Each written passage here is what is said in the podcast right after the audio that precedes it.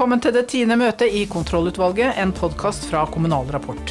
Jeg heter Tone Holmquist og er journalist i Kommunal Rapport. Og jeg heter Jan Inge Krossli og er kommentator i Kommunal Rapport. Og i Kontrollutvalget så gransker vi hver uke de viktigste sakene for Kommune-Norge.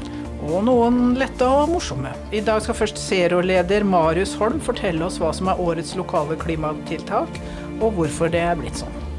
Og i sak nummer to på dagsorden spør vi om grasrota bør få mer å si i stortingsnominasjonene. I Nordland har en ganske ukjent høyremann reist fylket på kryss og tvers, og overraskende rykket helt til topps på stortingslista. For å stanse en ny nasjonal smittebølge vurderer flere fylker å stenge videregående skoler. Og det er vår faste gjest Daniel Aluko opptatt av. Og under eventuelt så blir det litt eh, julestemning. Er dagsorden godkjent? Den er godkjent, og møtet er satt. Klima er første sak på dagsorden. Vi skal få høre hva som er årets lokale klimatiltak. Det ble tirsdag kåret for tiende gang av Miljøstiftelsen Zero i samarbeid med KS og Kommunalbanken. Og hvem er årets vinner, og hvorfor? Zero-leder Marius Holm. Årets vinner er eh, Drammen kommune med prosjektet Geotermos. Sommervarme til vinterbruk. Oi, det var litt kryptisk. Og, ja, det er, men det er et utrolig tøft tiltak. fordi altså, Det handler om at man bruker solenergi. Dette er i forbindelse med en ny eh, skole, Fjell skole, og med arena og flerbrukshall. Så har man tatt i bruk det vi kaller et termisk batteri, altså en termos. For å lagre varmeenergi eh, fra solvarme som produseres om sommeren, til vinteren. Så Det betyr at eh, vi kan bruke solvarme til å varme opp bygg om vinteren. Og det er jo genialt, for da blir jo eh, solenergi eh, do, altså, minst dobbelt så nyttig i Norge når vi kan bruke den om vinteren. Så det er ny, ny teknologi dette her, som uh, ikke har vært prøvd noe særlig før, eller? Ja, jeg tror jeg skal kalle det ny teknologi. For det å, det å putte varmtvann i en termos for at det skal holde seg varmt, det er jo egentlig ganske gammel teknologi. Ja. Men det er en ny måte å løse et problem på, og det er det vi ser etter i, eh, når vi får de lokale, lokale klimatiltak. Vi ser etter prosjekter som skaper endring, som uh, tar i bruk løsninger på en ny måte, uh, og som, uh, ja, som, gjør det mulig å kutte energibruk og utslipp lokalt. Men kanskje ikke bare i seg selv, kanskje også i form av at det, at det liksom utvikler teknologi, eller, tar, eller, utvikler marked, eller utvikler liksom nye måter å løse et problem på, rett og slett som, som kan inspirere andre og bidra til større utslippskutt enn det tiltaket i seg sjøl gjør. Ja. Eh, landstrøm i Bergen og klimasmart landbruk i Østfold ble jo nummer to og tre her. Eh, kan du si kort noe om, om, de prosjektene også? Ja, Bergen eh, havn og Bergen kommune har jo bygd Europas største landstrømsanlegg. og innført en sånn miljøindeks for havner og miljødifferensierte havneavgifter. Og sånn sett er liksom Bergen som havneoperatør i, virkelig i førersetet på påvirke eh, skipsfartsnæringen til å gjøre gode miljøvalg. Både ved å legge til rette med infrastruktur, men også med å måte, lage eh, insentiver på en gang. Så her, så her, er man liksom i gang med en av de virkelig store utslippskildene. Og tenker nytt om både kommunens rolle og, ja, og virkemidler. Og Østfold.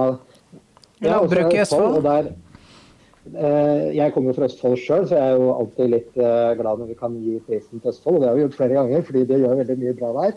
Eh, men det er jo et prosjekt, prosjekt som går ut på å redusere klimagassutslipp fra landbruket i fylket, som altså nå er Viken. da. Gjennom å øke kompetansen om energieffektivisering og karbonbinding i, altså i jord. At du kan bruke jorda som et karbonlager og fossilfrie løsninger i landbruket. Og Det støtter veldig godt opp om det som landbruket sjøl eh, ønsker å eh, få til. Og de har jo lansert en liksom, altså Landbruket sjøl har jo lansert en som klimakalkulator som gjør at man kan faktisk begynne å telle og måle utslippene til hver enkelt eh, bonde på en ganske, ganske nøyaktig måte. Ja. Hva er kommunenes viktigste klimarolle, sånn som Zero vurderer det? Ja, de er, det er mange viktige roller, og det avhenger selvfølgelig litt Man kan kommunen kan jo velge litt på en ganske sånn lang meny som vi har satt opp over tiltak og eh, ledelsesgrep som en kommune bør eller kan gjøre for klimaet. For å nevne noen av det viktigste, så vil jeg kanskje si det å bruke innkjøpsmakten. Særlig hvis det er eh, litt større kommuner, men også små kommuner kan egentlig drive markedet for nye løsninger. Vi så det jo da eh, hjemmetjenesten i mange kommuner var først ute med å kjøpe elbiler i tidlig fase, sånn rundt 2012-2013, da elbiler var helt i startfasen. Da bidro kommunene til å bygge ganske stort marked for elbiler veldig raskt. Og nå ser vi jo at fylkene har den rollen med, å, med innkjøp av på tjenestenivå da, på innkjøp av elektriske busser og, og ferjer og hurtigbåter. Og det nye nå, som er veldig kult, det er jo at man uh, gjør det på anleggsplass. Altså at man uh, stiller krav til egne anleggsplasser om utslippsfrie anleggsmaskiner. Og det begynte man å gjøre på et tidspunkt hvor det ikke fantes uh, utslippsfrie anleggsmaskiner. så da måtte De skap, skaper et marked, på en måte, kommunene? Eller gjerne ja, på å skape et marked? Ja, mm. Det er, ja, det er nettopp det de gjør. Skape mm. marked som legger grunnlaget for uh, å begynne å produsere løsninger verden trenger. Men det andre som er viktig, er jo rollen selvfølgelig som regulator mer generelt, og som samfunnsutvikler, f.eks. i arealplanleggingen. og Særlig byer har jo selvfølgelig en enorm påvirkning på hvor store utslipp det blir i kommunene i framtiden ved å bestemme hvordan vi skal uh, forflytte oss, om de legger, uh, legger, godt til rette for sykkel og mm. gange og kollektivtransport versus privatbil. Mm. Klimasats har vært en viktig statlig støtteordning for lokale klimatiltak som dere, som dere belønner hvert år. og Den ble jo kutta nå i statsbudsjettet. Hva, hva tenker Serve om det? Ja, vi er veldig skuffa over at den ble kutta. Eh, Klimasats var en idé vi eh, jobba hardt for eh, før den kom, og var veldig glad den kom. Og faktisk så Selv om vi var blant de som jobba for å få ordningen på plass, så har vi vært overrasket over hvor utrolig mye eh, bra prosjekter som har dukket opp, og som har søkt. Og Ordningen har aldri hatt nok penger til å eh, gi til å innvilge alle de gode søknadene. Eh, man har måttet si nei til mange, og nå må man si nei til enda flere. Så vi mm. mener at den burde økes til 1 milliard i året og være en, en mer eller mindre permanent støtteordning som, mm. eh, som kan drive alt det utrolig kreative og gode klimaarbeidet som skjer i norske kommuner. Vi får håpe ikke det blir færre kandidater til årets lokale klimatiltak neste år. Takk til Marius Holm, leder i Zero.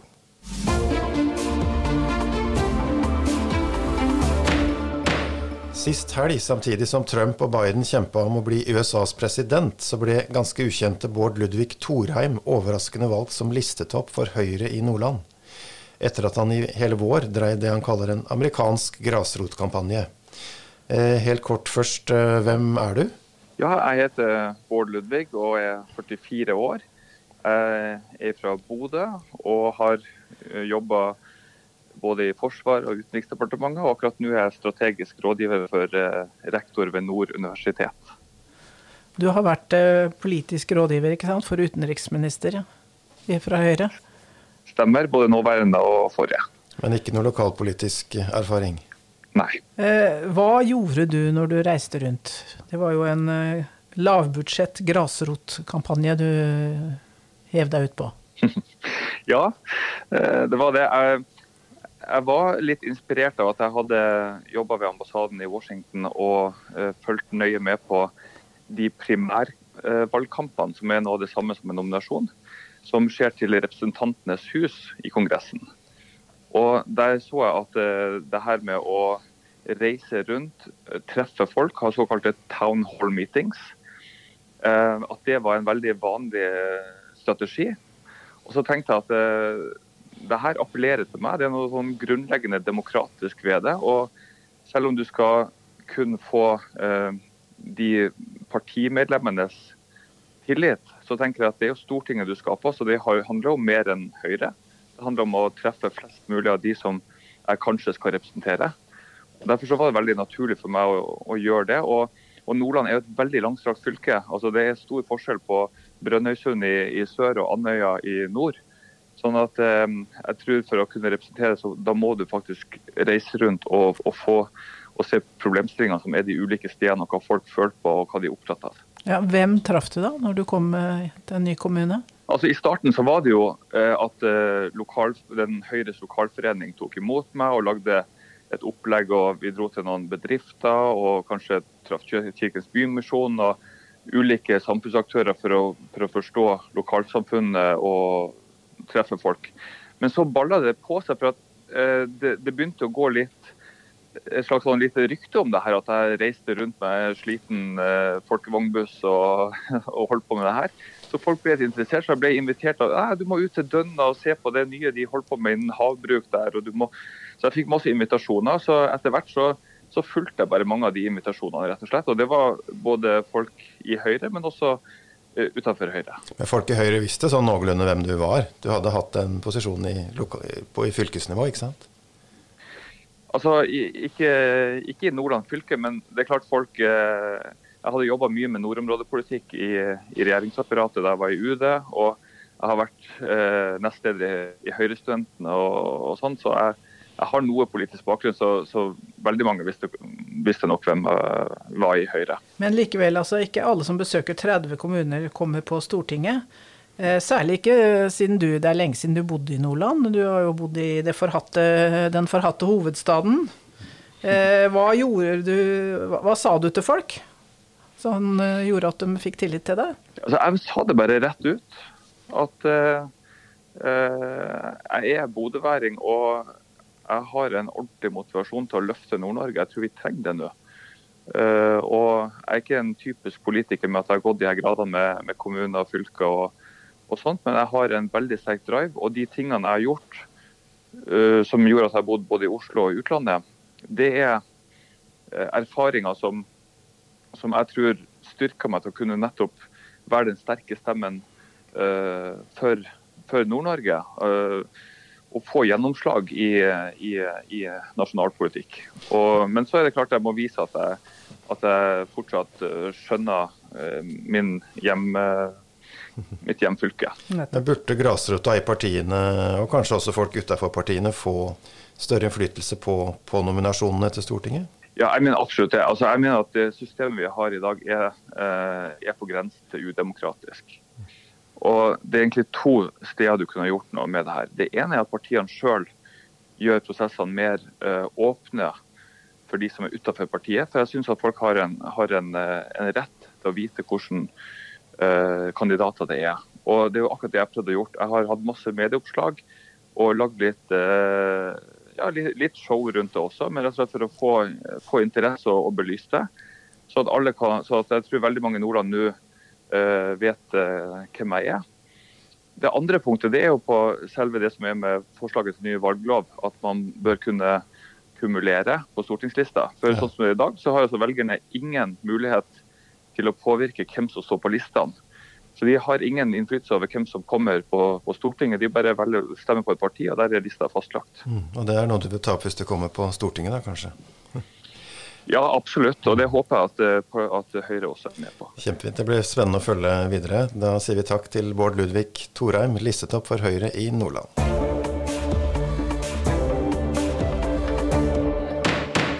Da har vi fått vår eh, faste gjest Daniel Aluko i studio. Han er leder i Viken ungdomsråd. Velkommen til deg, Daniel. Tusen takk for at jeg fikk komme. Og Temaet i dag er eh, nye koronarestriksjoner. Eh, regjeringen bestemte siste uke at videregående skoler skulle ha rødt nivå på sin beredskap. Og Hva har det betydd i, i Viken? I Viken så har det praksis betydd at uh, Viken fylkeskommune har stengt ned sine 58 videregående skoler, og at elevene bes holde seg hjemme uh, og ha hjemmeundervisning. Men rødt nivå er egentlig ikke at man stenger skoler? Nei, nå er det sånn at fylkesrådet i Viken har sett på smitteøkningen i Viken, og den har vært stigende. Det har vi jo sett de siste 14 dagene. Og da har de på grunnlag av de tallene og andre anbefalinger, vil jeg tro, eh, valgt å stenge ned driften eh, og sørge for at eh, elevene kommer og får hjemmeundervisning.